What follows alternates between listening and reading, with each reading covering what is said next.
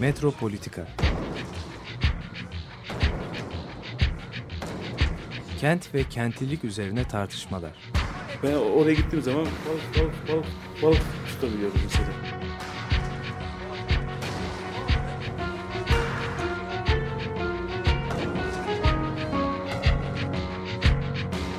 Hazırlayıp sunanlar Aysin Türkmen, Korhan Gümüş ve Murat Güvenç. Takusuyor ki. Kolay kolay boşaltamadı. Yani elektrikçiler terk etmedi Perşembe Pazarı merkezinde. Günaydın sevgili Açık Radyo dinleyicileri. İki hafta önce e, Antik Yunan'da e, şehirlerin ortaya çıkmasını e, konuşmuştuk. E, konumuz Kaan Atalay'dı. Bugün tekrar Kaan Atalay'la birlikteyiz. Hoş geldin Kaan. Hoş bulduk. Çok teşekkür Hoş geldin. ederim. Hoş bulduk. Hoş geldin. E, Kaan Atalay Bilgi Üniversitesi öğretim görevlisi. E, ve bugün de aslında e, biraz onun devamından e, gideceğiz. E, bu sefer trajediyi konuşacağız. Geçen hafta, iki hafta önce söylemiştik trajediyi konuşacağız mutlaka demiştik ama Fırsat o kadar, gelmedi. Evet o kadar uzun konuştuk ki ilk çıkışını ve e, presokratikleri geçen konuştuk. programda evet yani felsefenin bu e, şehirlerin ortaya çıkmasıyla birlikte beliren süreci nasıl temellük edip nasıl yeniden e, üretmeye çalıştığını veya yorumlamaya çalıştığını e, biraz ele almıştık. Ama tabii şehirlerin asıl etkisi Yunan tragedyalarında çok daha net bir şekilde ortaya çıkıyor. Çünkü artık Yunan tragedyalarının yazıldığı dönemde yani 5. yüzyılda milattan önce 5. yüzyıl 6. yüzyılın sonları 5. yüzyılın başlarına itibaren e, devam eden yaklaşık bir 100 yıllık dönemde e, şehir kültürünün ve onun ortaya çıkardığı bir e, iktidar istenci olarak belki e, tanımlayabileceğimiz demokratik bir geleneğin şekillenmeye başladığı dönem. Dolayısıyla onun etkileri özellikle e, şeyde e, tragedyalarda belirginleşiyor. Felsefedeki etki çok daha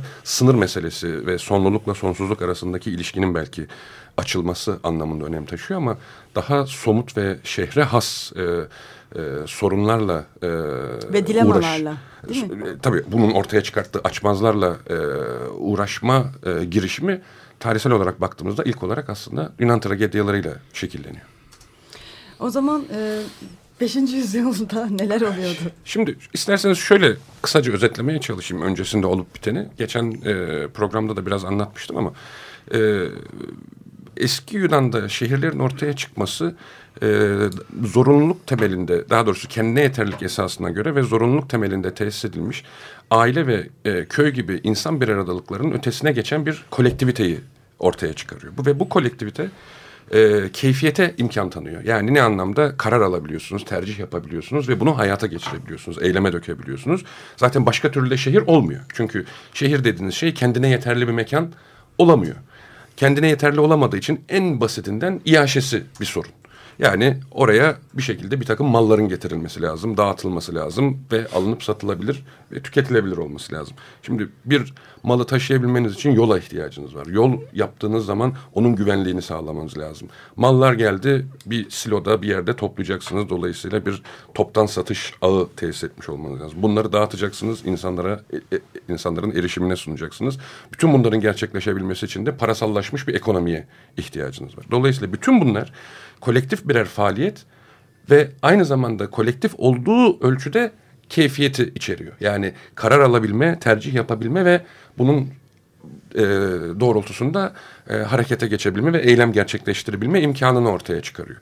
İşte bu eski Yunanlıların mitolojik gelenekte var olan o insanın acizi ve çaresizliği üzerinden tasarlanmış dünyanın ötesine geçme girişimini mümkün kılıyor. Çünkü fiilen artık bir takım kararlar alıp bunları uygulayabilen bir insan topluluğu var.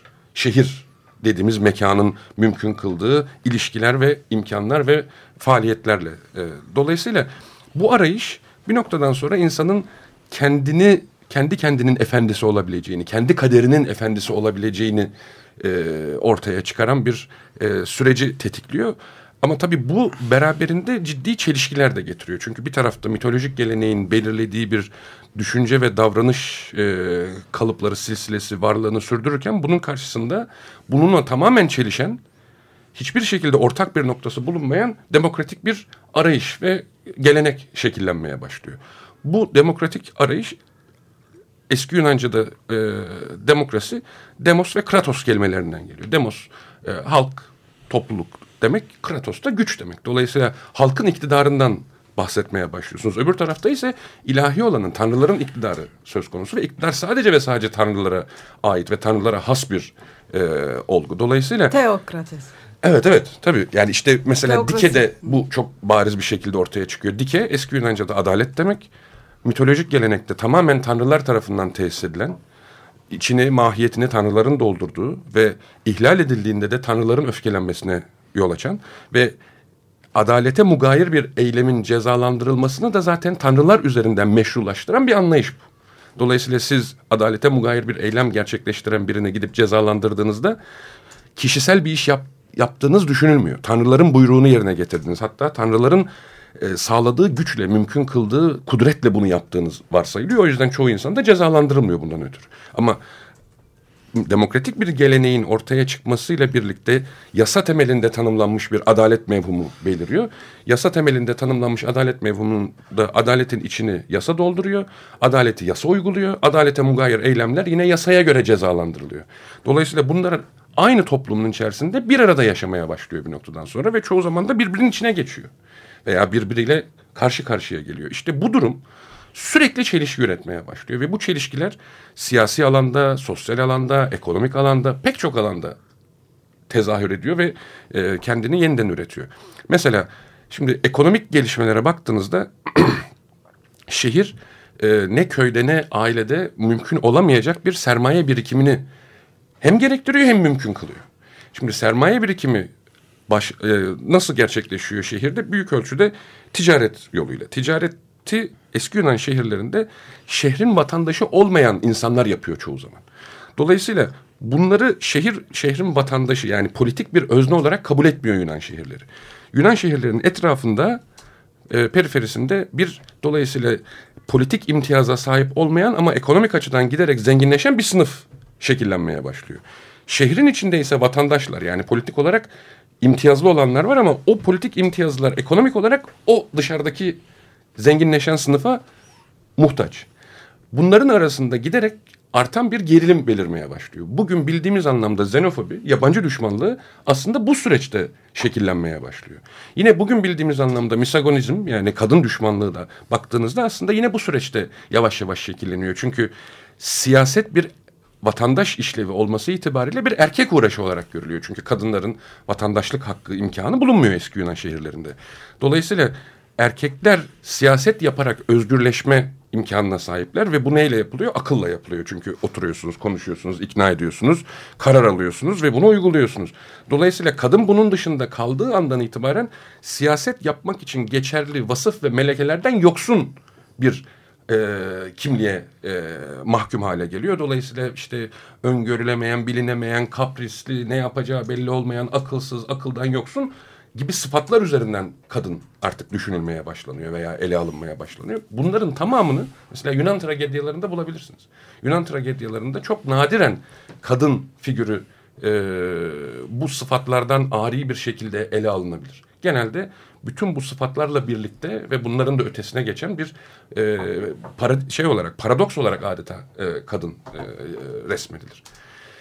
Şimdi bu gerilimin e, kendini tragedyalarda nasıl gösterdiğini eğer e, kısaca özetlersek e, Yunan tragedyalarındaki yani metnin orijinaline baktığınızda e, çeviride çok e, çıkmıyor bu ortaya ama etosla yani karakter ile daimon arasında yani e, eski Yunan'da püsüenin her bir püsüenin yani her insanın yaşamasını mümkün kılan bir güç bir prensip olarak püsüenin kendine aşkın olanla, ilahi olanla ilişkisini tesis eden ve bu ilişkiye aracılık yapan doğaüstü güç olarak tanımlanan daimon arasındaki sıkışmışlık olarak tragedyalarda bu e, mitolojik ve e, demokratik arasındaki, demokratik gelenek arasındaki gerilim ve hatta açmaz e, teşekkül ediyor veya e, tragediler bu şekilde formüle ediyor. Şimdi bir tarafta karakteriniz var. Karakter insanın bilebildiği, anlayabildiği, erişebildiği, kontrol edebildiği, yönetebildiği, müdahale edebildiği bir alan.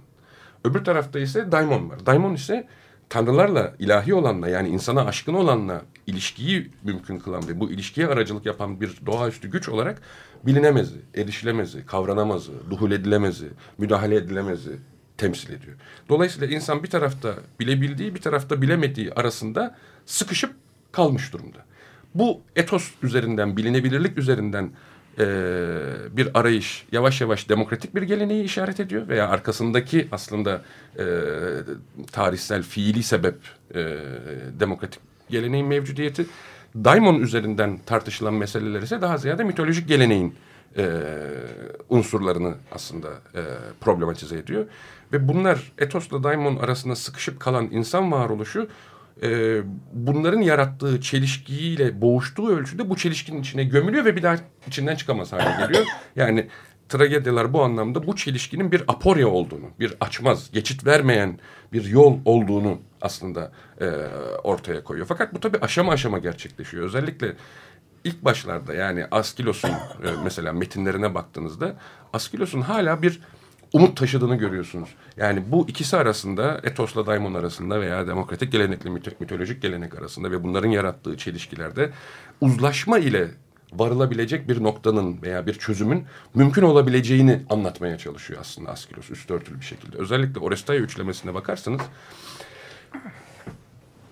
Agamemnon'un e, yani işte Truva'ya e, sefere giden ve 10 e, yıl sonra dönen Agamemnon'un e, Clytemnestra yani karısı tarafından öldürülmesi sonrasında oğlu Orestes babasının intikamını alır ve kendi annesini öldürür. Ve ondan sonraki süreçte de işte e, Orestes'in yargılanmasını isteyen bir takım mitolojik varlıklar, Eumenides diye geçen eski Yunanca'da bunun peşine düşerler. Ve en sonunda Orestes bir şekilde mahkemeye çıkarılır. Şimdi o sahne çok ilginç. Çünkü mahkemede bir jüri var. Jürinin yarısı Eumenides'ten yani mitolojik varlıklardan oluşuyor. Yarısı vatandaştan yani siyasi unsurlardan oluşuyor. Orestes yargılanıyor ve oylar eşit çıkıyor jüride. O zaman Athena devreye giriyor jüri başkanı olarak ve Orestes'in beraat etmesini sağlıyor. Eumenides'e de yani mitolojik varlıklara da siz bundan sonra diyor Atina şehrinin koruyucusu olun. Yer altına çekilin. Artık insanları rahatsız etmeyin. insanların peşine düşmeyin diyor.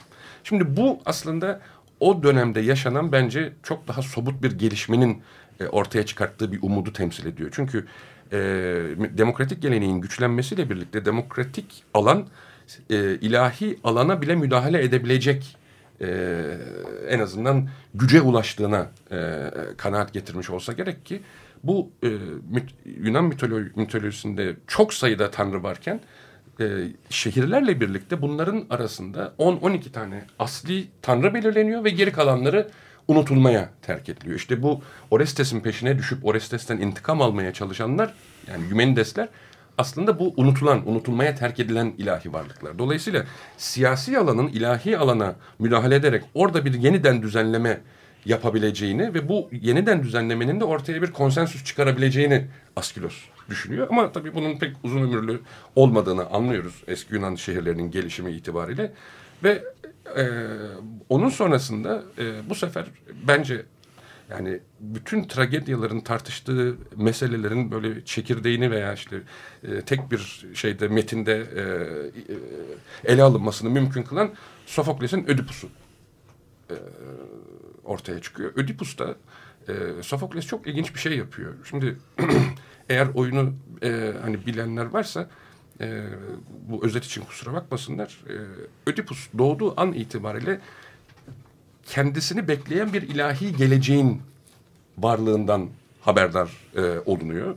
Daha doğmadan hatta kahinler Ödipus'un babasını öldüreceğini ve annesiyle evleneceğini söylüyor. Babası da bunun üzerine Ödipus'un öldürülmesini emrediyor doğar doğmaz. Fakat öldürmekle görevli kişi kıyamıyor. Ve Ödipus kendisini bekleyen bir ilahi geleceğin yani ilahi bir belirlenime tabi bir geleceğin mevcudiyetinden haberdar olarak kendi geleceğini yaratmak üzere yola çıkıyor. Belirli bir yaşa geldikten sonra. Ve köprü başında böyle kendi geleceğini, kendi kaderini ararken, kendi kaderini şekillendirmek için yola çıktığı bu yolculukta köprü başında sen geçeceğim ben geçeceğim kavgasından beş kişiyi öldürüyor. Şehre gidiyor. Şehirde işte şehrin başında Sphinx denen bir canavar var. Bilmeceler soruyor ve bilemeyenini yiyor. Bulmacayı da çözüyor. Şimdi bakın cesur, güçlü, cevval, akıllı, bütün karakterle ilgili olumlu sıfatlar hatta işte eski Yunanların tabiriyle arete yani mümkün mükemmelliği işaret eden bütün sıfatlar bir vatandaşta olması gereken bütün üstün özellikler Ödipus'ta var. Bunun üzerine şehir halkı bir şekilde e, Ödipus'u e, kral da ortalıkta olmadığı için e, krallığa getiriyor. Kraliçe de boşta kraliçeyle evlendiriyorlar. Şimdi burada Yunan tragedyalarının önemli bir kavramından bahsetmek gerekiyor. Miyazma kavramı. Bu bir suçun cezalandırılmaması halinde ortaya çıkan bir kir, leke olarak e, tanımlanıyor. Bu leke zamanda ve mekanda yayılıyor eğer suç cezalandırılmazsa. Yani nesilden nesile aktarılıyor, aktarılabiliyor. Bu şekilde zamanda yayılıyor veya mekanda genişleyerek yani bir kişiyi, onun hanesini, mahallesini ve bütün şehri ve hatta bütün bir ülkeyi etkileyebilecek şekilde genişleme e, e, imkanına, eğilimine sahip bir şey bu. Ödipus kral olduktan sonra, kraliçeyle evlenip kral olduktan sonra şehirde bir miyazmanın varlığı anlaşılıyor. Bu genelde işte bereketsizlik ve felaketler şeklinde kendini gösteriyor. Bu miyazmanın kaynağı aranmaya başlanıyor ve bu süreçte e, Ödipus'un e, giderek e, kendisi üzerindeki bütün kontrolünü ve daha önce oyunun başında ona atfettiğimiz o sıfatların tamamını yitirdiğini görmeye başlıyoruz. Adeta deliriyor. Tamamen kontrolsüz bir e, kişiliğe dönüşüyor ve en nihayetinde de miyazmanın bizatihi kaynağının zaten Ödipus olduğu anlaşılıyor. Çünkü köprü başında sen geçeceğim ben geçeceğim kavgasından öldürdüğü beş kişiden biri babası, geri kalanlar da koruması, evlendiği kadın da annesi. Ve Ödipus bunun üzerine gözlerini deşip şehri terk ediyor. Şimdi bu hikayede önemli olan şey şu.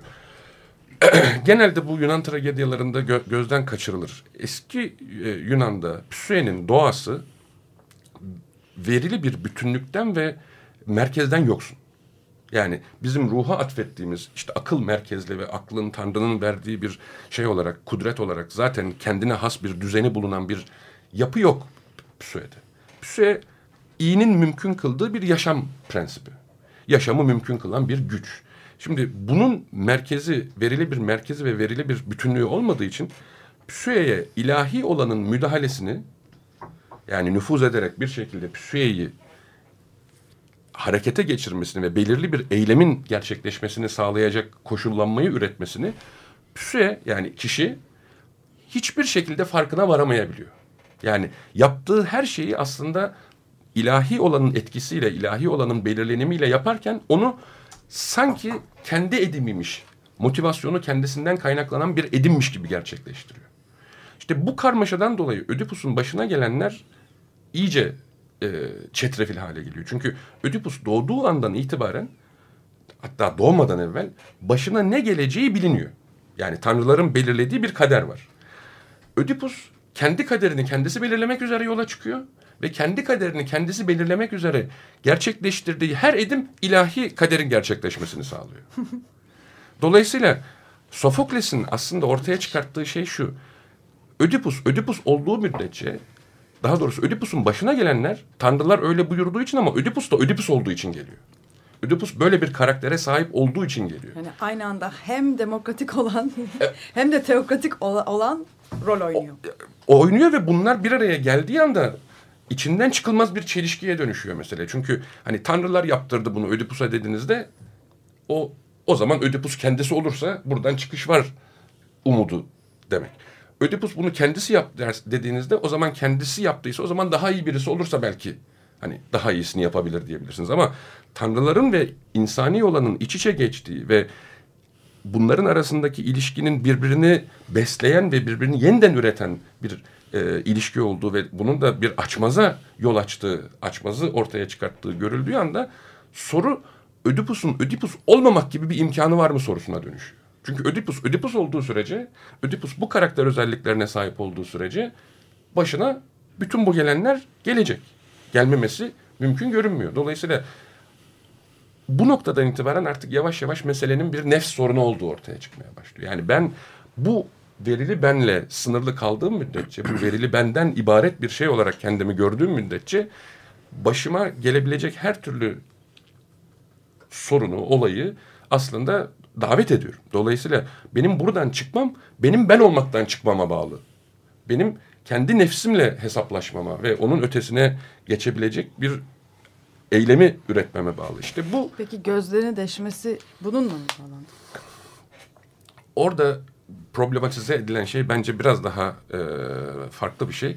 Şimdi eski Yunan'da, eski Yunanca'da daha doğrusu bilmekle ilgili bütün fiillerin hemen hemen kökeninde görmek bulunuyor. Dolayısıyla modernitede de Ö- Ö- çok Ö- yakın. Ödipus'un gözleri deşmesinin sebebi kendisini belli bir şey olduğunu düşünüyor. Belli bir karakteri itibariyle kendisine belirli özellikler atfediyor ve işte kendi kaderini bu güçlerle, bu kudretlerle, bu vasıflarla belirleyebileceğini varsayıyor ilk başta veya o niyetle yola çıkıyor. Ama kendi kaderini belirlemek için yaptığı her şey aslında tanrıların öngördüğü kaderin hayata geçmesini sağlayınca hiçbir şeyi bilmediğini, hiçbir şeyi anlayamadığını ve bilmesinin ve anlamasının da zaten imkansız olduğunu, bu gözlerin dolayısıyla gereksiz bir şey olduğunu düşünüp gözlerini deşip şehri terk ediyor. Fakat orada tabii ilginç bir nokta şu. Ödipus ne yaptın dediklerinde o gözleri deştikten sonra kendi ellerimle yaptım ama Apollo istediği için yaptım diyor. Yani orada bile kendi başına pişman olamayan, kendi başına Çelişkiyi bir kere daha, bir kere daha gösteriyor Sofokles. kefaretini e, ödeyemeyen, e, kefaret ödemek için gerçekleştirdiği eylemi bile ancak ilahi olan üzerinden temellendiren bir e, karakter söz konusu.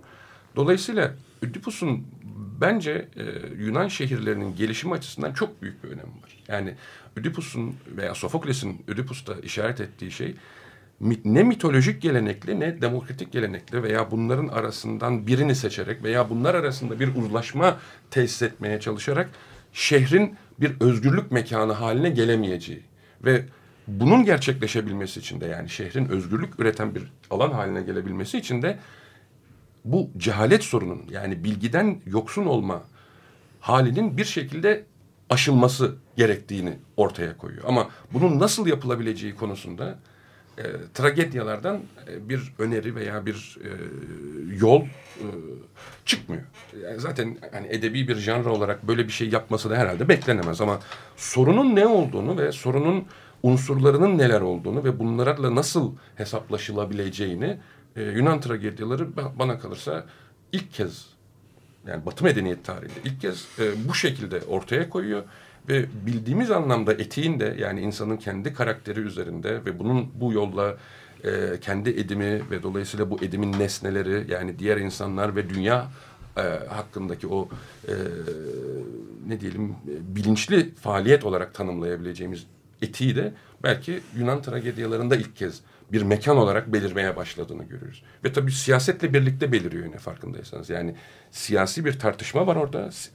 Yunan demokrasi veya eski Yunan şehirlerindeki demokratik arayışın karşısındaki mitolojik gelenekle olan ilişkisinin yarattığı çelişki ve bu çelişkinin e, beraberinde getirdiği açmazlarla boğuşabilmek için beliren bir etik mekan. Yani insanın kendiyle, kendi eylemliliğiyle olan hesaplaşmasını mümkün kılan bir mekanın ortaya çıkışı. Ee, Yunan tragedyalarının galiba yarattığı en önemli problematizasyon, ortaya çıkarttığı en önemli problematizasyon bu. Etik bir mekanın açılmasını mümkün kılması. Yani doğadan uzaklaşınca, şehir denilen şey oluşmaya başlayınca e, insanın iradeliğinin ne kadar önemli olmaya başladı. Ama bir yandan da şehrin karmaşasının, şehrin idare edilmesinin ne kadar aslında korkunç zor bir şey olduğunu, o yani bir yandan da yani insanüstü bir düzenin de oluştuğu, hani bütün insanların bir arada olmasıyla oluşan bu düzen, bu karmaşanın da aslında sadece uzmanlıklarla, bilimle, bilmeyle, görmeyle insan iradesinin e, kendi başına güzel kararlar vermesiyle o kadar da kolay olmadığını göz görmek açısından yani modern şehri anlamak ve düşünmek ve biraz da e, felsefi yönden yaklaşmak açısından inanılmaz hani bir şey açıyor. Şimdi Yunan şehirlerinde tabii belki üzerinde durulması gereken bir diğer önemli mesele şu. Ee, biz hani özellikle Hristiyanlık sonrasındaki süreci modernlikle birlikte pekişen bir e, e, matriksi bilerek ya da bilmeyerek esas aldığımız için hani dünyayı anlama e, çabamızda bunu ıskalayabiliyoruz. Eski Yunan'da iktidar e, insan kolektivitesine atfediliyor. Yani muktedir olan topluluğun kendisi, cemaatin kendisi. O cemaatin unsurları bu kolektif iktidarı üreten, kullanan, pratik eden unsurlar olarak ancak düşünülebiliyor. Yani birey var, bireyler bireyler bir araya geliyor, toplum oluşturuyor. Nun ötesinde toplumun yani insan bir aradalığının ürettiği bir kudretin o toplumu mümkün kılan unsurlar tarafından pratik edilmesinden bahsetmek gerekiyor. Burada güçlü olan toplum birey zayıf anlamında da söylemiyorum bunu. Yani toplumu e, toplumu oluşturan unsurlar arasındaki ilişkiler ve onların yarattığı diyalektik olarak düşünmek lazım. Dolayısıyla iktidar toplumsal bir temelde ortaya çıkıyor ama vatandaş pratik ediyor bunu tabii çünkü karar alıyor, tercih gerçekleştiriyor, eylem hayata geçiriyor. Dolayısıyla bu ilişki yani insan bir aradalığını ve insan bir aradalığın iktidarla olan bağını parçayla bütün arasındaki ilişkiyi eski Yunan'daki gibi e, kurmak bizim için bugün belki de en zor iş ama önce yapılması gereken iş. Çünkü şeye geçtiğiniz anda, Hristiyanlığa geçtiğiniz anda kaçınılmaz bir esenşalizm giriyor işin içerisine. Bir özcülük, Özcülük. giriyor. Bu özcülük Tanrı'yı verili bir takım sıfatlarla tanımladığı ve değişmesi imkansız bir takım sıfatlarla tanımladığı için insana bu sıfatların ve kudretlerin yokluğu kalıyor. Dolayısıyla insanı Tanrı her şeye muktedirse güçsüz olarak tanımlıyorsunuz. Her şeyi o biliyorsa cahil olarak tanımlıyorsunuz. Mükemmellikleri bünyesinde barındıran varlıksa Tanrı insan gayrimükemmel hale geliyor ve bunları değiştirmesi, dönüştürmesi ve aşması mümkün değil. Bu özcülük Tanrı ile insan arasındaki sınırdan kaynaklanan bu e, evrensel insan doğasını e, modernlikle birlikte insanın bizatihi kendi doğasındaki, kendi varoluşundaki sınırlılıklar, kendi aklının sınırlılığı olarak tanımlamaya başladığınız anda da aslında modernliği ortaya çıkaran eşiği atlamış oluyorsunuz. Modernlik çünkü bu varsayım üzerine inşa ediliyor. Ak- akıl sınırlıdır. Kendi sınırlarını kendi başına tespit edebilir ve bunu tespit edebildiği takdirde de kendi doğasını açığa çıkarttığı zaman bilgiye ulaşmasını mümkün kılacak doğru yöntemi belirleyebilir. Modernliğin temelindeki varsayım iddia bu. Şimdi bunu bu şekilde tanımladığınızda insanın aklının sınırlılığı üzerinden bütün insan varoluşunu tanım üretmeye çalışırsanız insanın neye erişemediğini bir kere en başta belirlemeniz gerekiyor. Mesela iyiye ulaşamıyorsunuz. İyiyi insan kendi başına kavrayamıyor. İyinin verili bir şey olması gerekmeye başlıyor. Çünkü iyi algı içerisinde ortaya çıkan bir şey değil. Algı yoluyla kavrayabileceğiniz bir şey değil. E o zaman o zaman inanç, renkler ve zevkler tartışılmaz gibi hani farklı farklı iyiler vardır demeye başlıyorsunuz. Dolayısıyla iyi hem talileşiyor hem keyfileşiyor hem de araçsallaşmaya başlıyor bir süre sonra. Çünkü iyiyi başka sayıklarla, başka amaçlarla belirlemeye başlıyorsunuz. İçin, iyinin içine o şekilde doldurmaya başlıyorsunuz. Bunu yaptığınız andan itibaren de insan bir aradalığının kolektif olarak ürettiği e, mekanın ve onun yarattığı ilişkilerin ve imkanların özgürlükle olan bağlantısını ve özgürlük üzerinden iyiyle olan bağlantısını tali bir takım sahipler üzerinden kurmak zorunda kalıyorsunuz. Mesela diyorsunuz ki şehir işte insanların, bireylerin bir araya gelmesi neticesinde oluşmuştur. Bireyler ne yapar? Kendi çıkarlarının peşinde koşar. Niye? Hazzı maksimize etmek için. Yani fayda sağlamak için, faydayı maksimize etmek için. Dolayısıyla o zaman bize bunlar kendi çıkarlarının peşinde koşarken ve kendi işte hazlarını e, maksimize etmeye çalışırken birbirleriyle çatışmalarını engelleyecek veya çatıştıkları zaman ara buluculuk yapacak bir güç lazım. Ne yapalım? Devlet olsun. İşte bu kamu düzeni e, aslında gene e, şeyden bağımsızlaşıyor. Bireylerden bağımsızmış gibi gözüküyor. Yani o sembolik düzen e, ortak yaşantıya dair e, ilişkileri temsil ediyor, temsil ettiğini varsayıyor ama burada bir içerik fetişizmi oluşuyor. Yani onun için neyin doğru, neyin yanlış olduğunu bilme şeyini. Bu özne e, şeyi yani bu kimliğe e, sahip olan öznelerinde e, bildiklerini iddia ediyorlar. Yani bu zihinsel e, işlevin aslında tam da şehrin kendi bilgisi olduğuna dair bir inanç oluşuyor. Bir içerik fetişizmi oluşuyor ve bunun sonucunda da aslında bir şey ortaya çıkıyor. Yani bir böyle bilinemezliği tam tersine biz biliriz e, şeyi.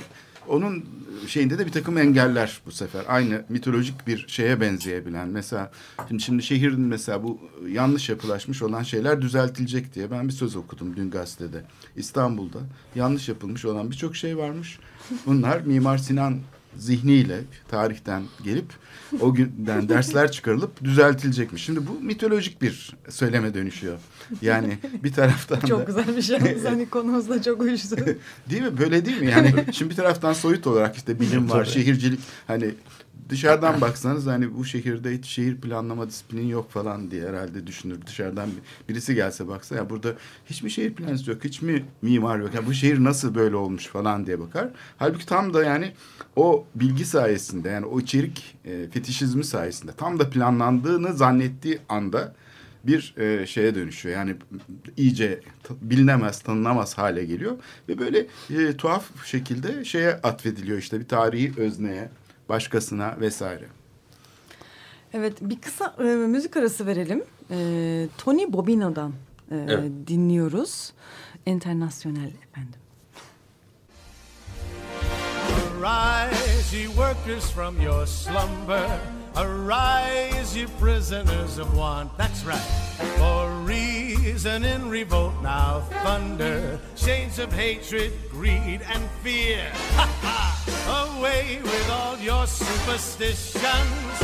Serve our masses. Arise, arise. We'll change henceforth the old tradition and spurn the dust to win the prize. So, comrades, come on and rally.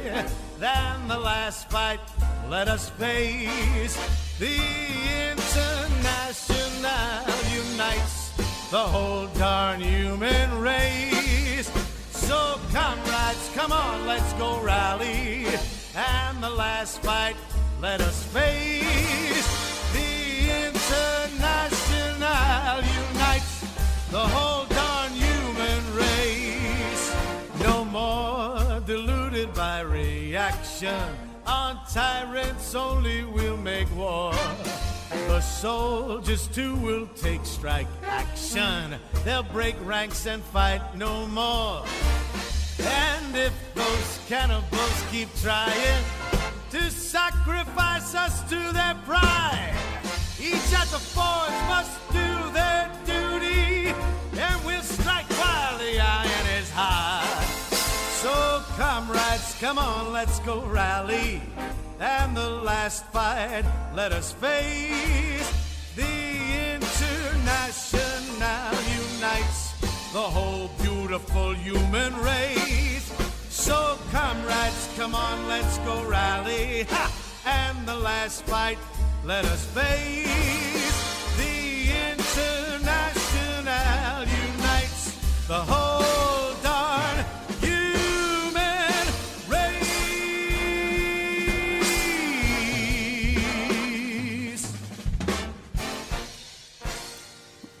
Tony Bobina'dan dinledik internasyonel.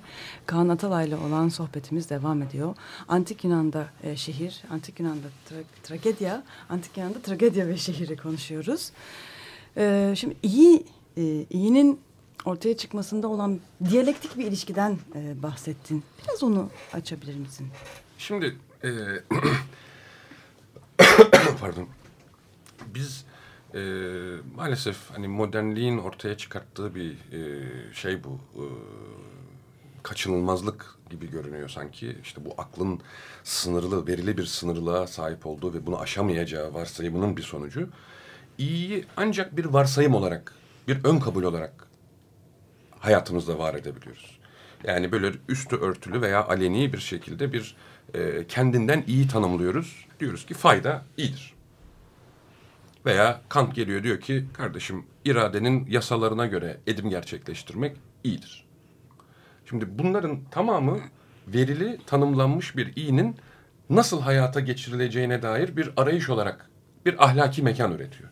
Ama eski Yunan'da böyle bir imkan yok. Böyle bir arayış da yok, böyle bir gereklilik de yok. Eski Yunan'daki sorun iyiyi üretmek.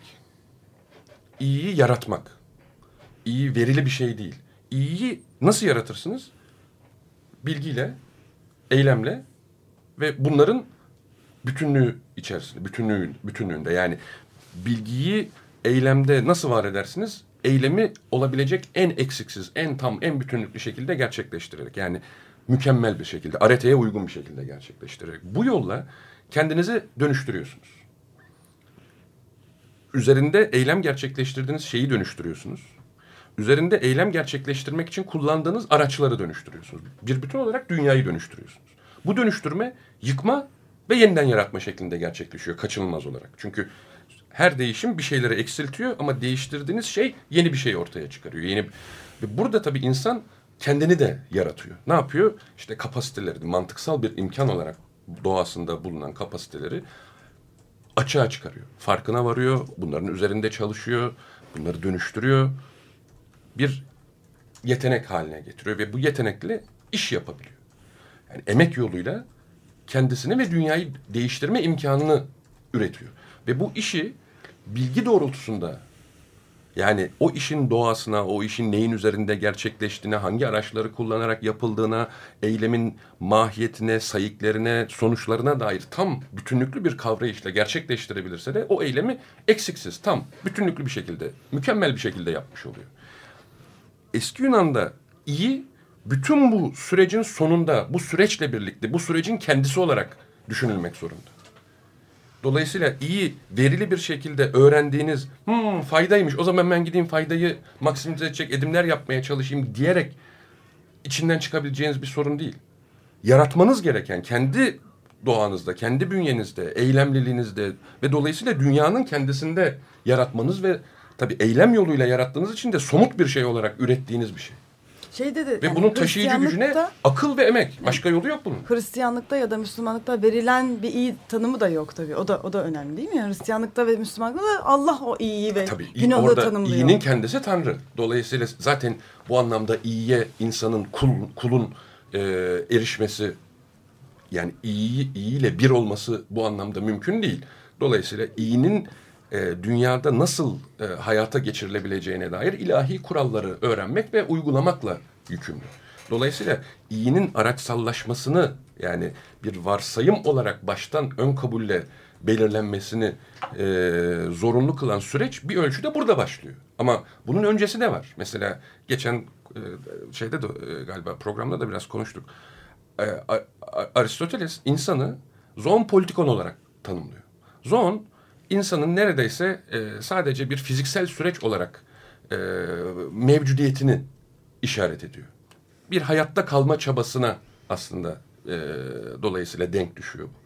Diğer tarafta ise politikon yani siyasi olan var. Aristoteles'e göre siyaset insanın e, etik e, anlamda e, ne diyelim e, yani karakter aritesine uygun yani et, et, etiğin etik bir faaliyet olarak gerçekleştirilen eylemlerle e, özgürleşmesini mümkün kılıyor. Dolayısıyla insanın siyaset yaparak kendini gerçekleştirmesi mümkün. Diğer tarafta ise Zoe kısmı var. Yani yapılması gereken faaliyetler, hayatta kalmak için karşılanması gereken ihtiyaçlar ve bu ihtiyaçların karşılanması için yürütülen veya yürütülmesi gereken faaliyetler. Buna ekonomi demeye başlıyor. Çünkü eikos, evle, haneyle ilgili bir şey bu. Burası zorunluluğun alanıdır diyor ekonomi. Siyaset ise keyfiyetin dolayısıyla özgürlüğün alanıdır. O zaman diyor biz ekonomiyi kadınlara ve kölelere bırakacağız. Bunu bunlara yaptıracağız. Biz gidip siyaset yaparak özgürleşeceğiz.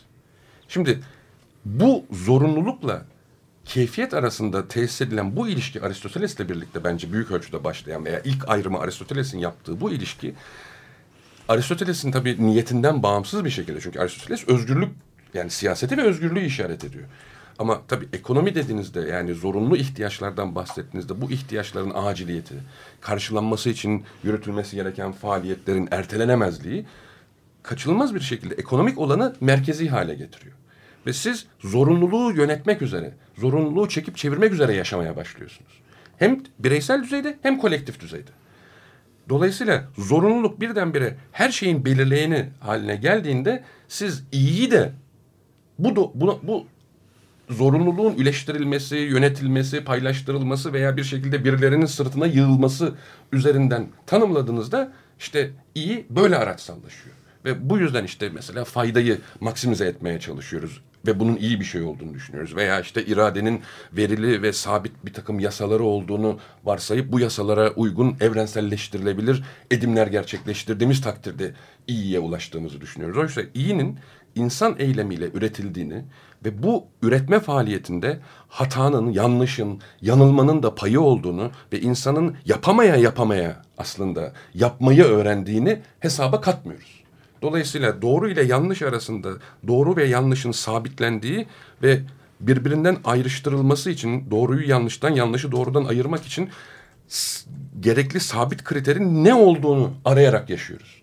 Böyle yaşadığınız zaman da bu kriter değiştiği anda her şey birbirine karışıyor. Ve önceki ile sonraki arasındaki ilişkiyi tesis edemiyorsunuz. Ve dolayısıyla verili, sabit, değişmez bir takım kurallar aramakla ömrümüz geçiyor. Oysa aslında o kuralın e, gereksizliğini, insan eyleminin ve insan eyleminin özgürleşmesiyle, mükemmelleşmesiyle ancak iyinin var edilebileceğini, somutlanabileceğini kişisel düzeyde ve kolektif düzeyde hatırlayabilirsek ve buna uygun bir e, kolektif e, varoluşu da el birliğiyle hep birlikte inşa edebilirsek o zaman belki hakikaten şehrin özgürlüğü mümkün kılan özgürleşmenin gerçekleştiği bir özgürlük mekanı olarak e, tahakkuk etmesini sağlayabiliriz. Aslında bana şeyi hatırlatıyor bu söylediklerin eee, biraz 19. yüzyılda eee, şeydeki eee, akademik eğitimdeki kırılmayı 19. yüzyıl sonundaki yani işte iyi güzel işte şey arayışı peşinde koşan bu neoklasik akımlarla şekillenen bir mimarlık eğitimi var. Şehircilik, mimarlık, tasarım her şeyi içeriyor. Yani bütün mekanı böyle tarihe bakarak iyi ve güzelin ne olduğunu aktararak şey yapmaya çalışan.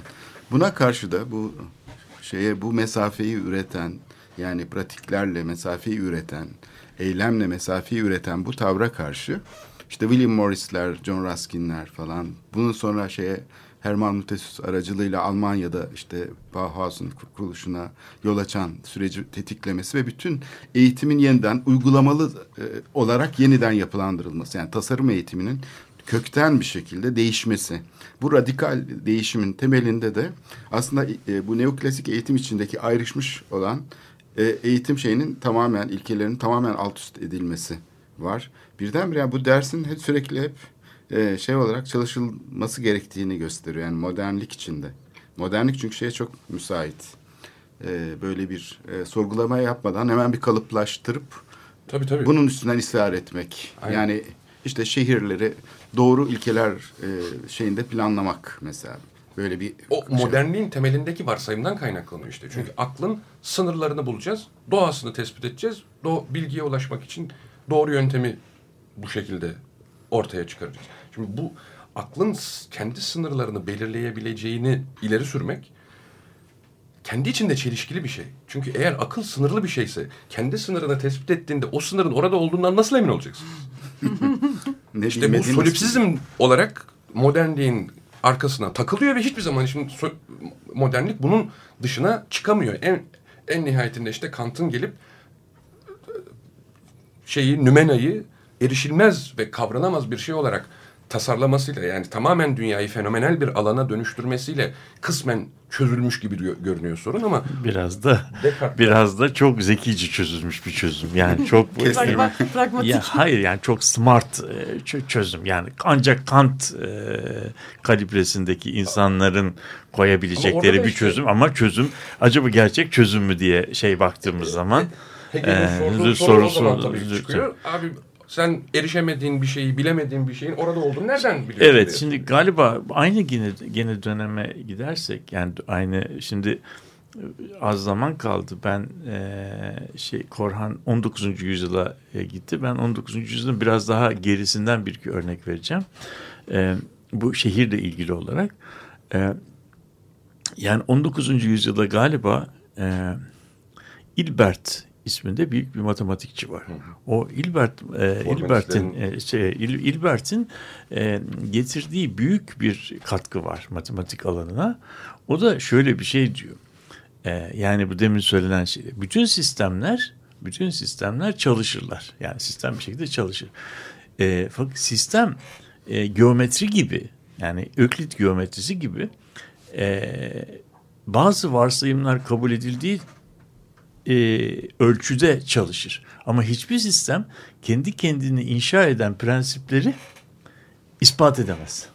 Yani hiçbir ya onların yani sistemler kendi kendilerinin üzerine bina edildikleri prensipleri e, Aksiyonlar. şey- aks- yani o aksiyonları prof, proof edemez. Yani bunu koy, koyduğun zaman aslında e, nasıl diyelim senin e, şeyde koyduğun yani e, belki 2000 yıllık bir e, aforizmin bir bir e, dilemmanın neden öyle olduğuna dair bir şey geliniyor. Yani daha sonra bunu Russell'da hiçbir fonksiyon kendi kendisinin argümanı olamaz. Yani bunu da Türkçe'ye çevirirsek e, bizim bütün e, yaptığımız bilgi, arayış özne ile nesnenin birbirinden farklı olduğu anlarda biz bilgi gibi bir şey yapabiliriz. Bunların ikisinin beraber olduğu, üst üste şey yaptığı, senin e, konuşmanın başında söylediğin gibi yani ekonomi bazı şeylerin sonucudur, bazı şeyleri mümkün kılar dediğimiz zaman yani hem e, fail hem de çerçeve bir e, olan e, durumda biz bunu şey yapamıyoruz. yani bunun bilimini, bunun bilgisini üretmekte zorlanıyor. Zorlandığımız zaman da Kant'ın getirdiği çözüm biraz bana Gordiyon e, çözümü gibi geliyor. O da ne diyor? Arkadaş diyor bu işin bir estetik tarafı vardır. Bunu bir tarafa koyalım. Bu güzel müzel meselesini bilgiyle içinden çıkamayız. İyinin de dışına şey yapamayız. O zaman güzelden ve iyiden ar arındırılmış bir bilgi üretelim diyor.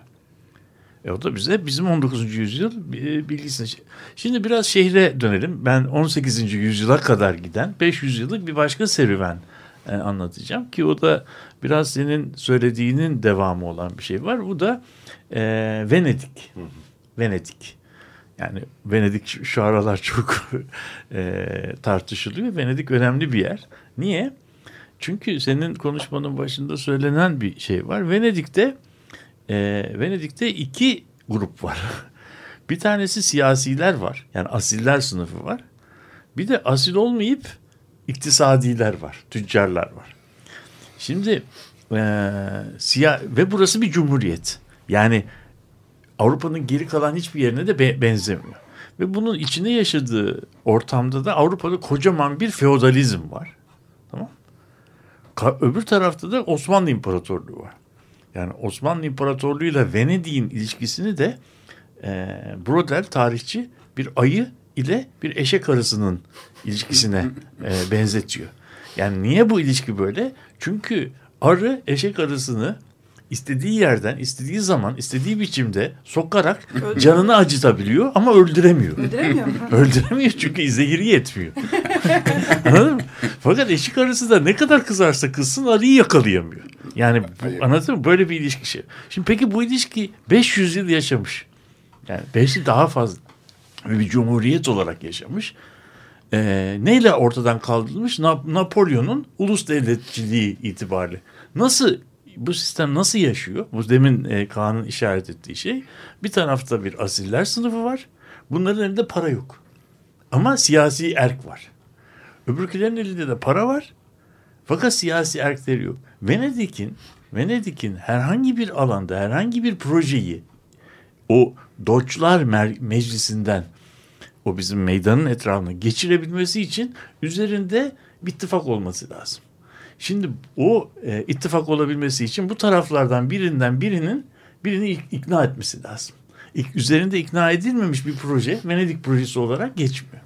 Şimdi bu da tabii e, bu ikilemin aslında pratikte yani benim bahsettiğim şey böyle bir cumhuriyet içerisinde bunun pratik bir çözümünün olduğu ama şey olarak nasıl diyelim teorik bir çözümünün olmadı yani ama adamlar bunu 500 yıl 500 yıl feodalitenin egemen olduğu bir şeyde Avrupa'da bütün diğer yerler e, feodalitenin altında inim inim inlerken cumhuriyet şeklinde e, yürütüyorlar ve teknoloji olarak yürütüyorlar, iktisadi olarak yürütüyorlar.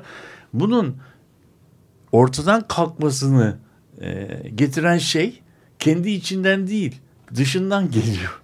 Dışından gelen şey nedir? Amerika'nın keşfi. Amerika'nın keşfiyle beraber o Akdeniz havzasının çöküş süreci başlıyor. O zaman da dünya ekonomisinin merkezi Kuzey İtalya'dan işte Flanders tarafına şey yapılıyor. Gerisini e, gerisini biliyoruz. Ama yani bu güzel bir e, şey oldu. Yani e, sunuş oldu. Bir taraftan da bizi şeye götürdü. Yani bu e, iyi, iyi, güzel ve makul. e, bu üçünün bir ara kesitini bulmayı gerektiriyor kentsel yaşam. Yani güzeli, iyi. Bunları bunlardan herhangi birisini veya ikisini dışarıda bula, e, bırakarak yaptığımız çöz, çözümler yani iktisadını düşünmeyerek, iyiliğini düşünmeyerek şehri tamamen güzel e, yapmaya çalışmak değil mi?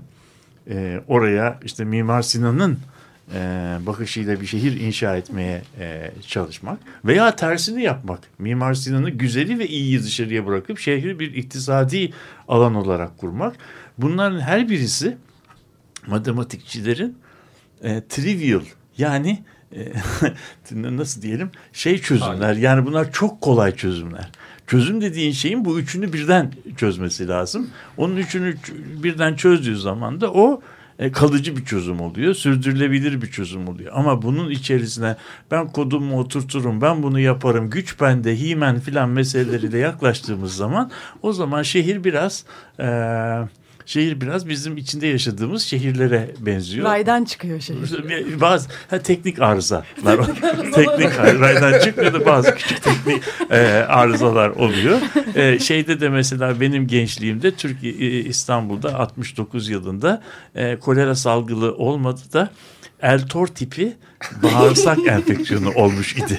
Yani söylemek istediğim e, şehirlerde o dönemde şehri biz iktisadi bir alan olarak yeniden kurmayı e, tasarladık. Şehirlere yatırım yapmamak suretiyle Türkiye'yi şeyde nasıl diyelim ithal ikameci alanların şahikasını çıkarmayı düşünüyorduk. Sonra bir Eltor tipi şeyle bağırsak enflasyonuyla karşılaştık. Evet. Programın küçük, sonuna doğru geldik. Küçük evet. bir şey ekleyeceğim. Ee, yani bu e, eski Yunan'dan beri e, Venedik örneğinde de olduğu gibi şehri var eden diyalektik e, sermaye ile e, siyaset. siyaset arasındaki veya üretme faaliyetiyle e, bu üretimin e, kamusal alanda e, nasıl e, tahakkuk ettirileceğini belirleyen süreçler arasındaki e, diye ilişki de e, şekilleniyor. Bu ilişki bazen birbirini değilleyen bir ilişki olabiliyor. Bazen sorun üreten, çelişki üreten bir ilişki oluyor. Ama bu ilişkinin işlemesine ve şehrin esasen bir kamusal mekan olduğunu ve dolayısıyla bu diyalektiğin yani bu iki unsur arasındaki zaman zaman çelişki de üreten ilişkinin kamusal bir alanda sürekli insan eylemiyle yeniden üretilmesinin ve bunun bilgi doğrultusunda yapılması halinde de mükemmelliğe ulaşarak iyinin şehirde iyinin kendisini tahakkuk ettirmesini mümkün kılacağını eğer hakikaten bir gün hayata geçirebilirsek, bunu anlayabilir ve bunu kendi hayatımızda, kendi eylemliliğimizde üretebilirsek o zaman bizim için bir umut belirecek. Ama o zamana kadar herhalde daha az e, teknik daha arızalar. Bu yaşadıklarımızı bir daha bir daha yaşamak. Hakan'la yaptığımız her program daha çok program yapmayı gerekiyor. Böyle olacak galiba. Evet çok teşekkürler. Ağzınıza ben çok teşekkür ederim. Bu arada destekçimiz Bahattin Akşit'e de teşekkür edelim. Evet hocam. Evet, programımızı da böylece kapatıyoruz. Hoşçakalın. Çok teşekkürler. Bahattin hocama çok teşekkürler.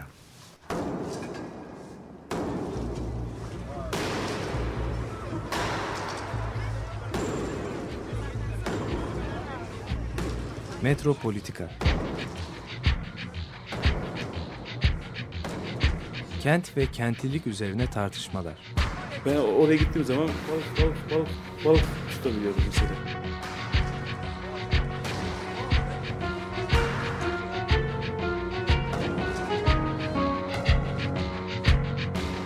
Hazırlayıp sunanlar Aysin Türkmen, Korhan Gümüş ve Murat Güvenç takusu yok yani. Kolay kolay boşaltamadılar. Yani elektrikçiler terk etmedi Perşembe Pazarı. Açık Radyo program destekçisi olun.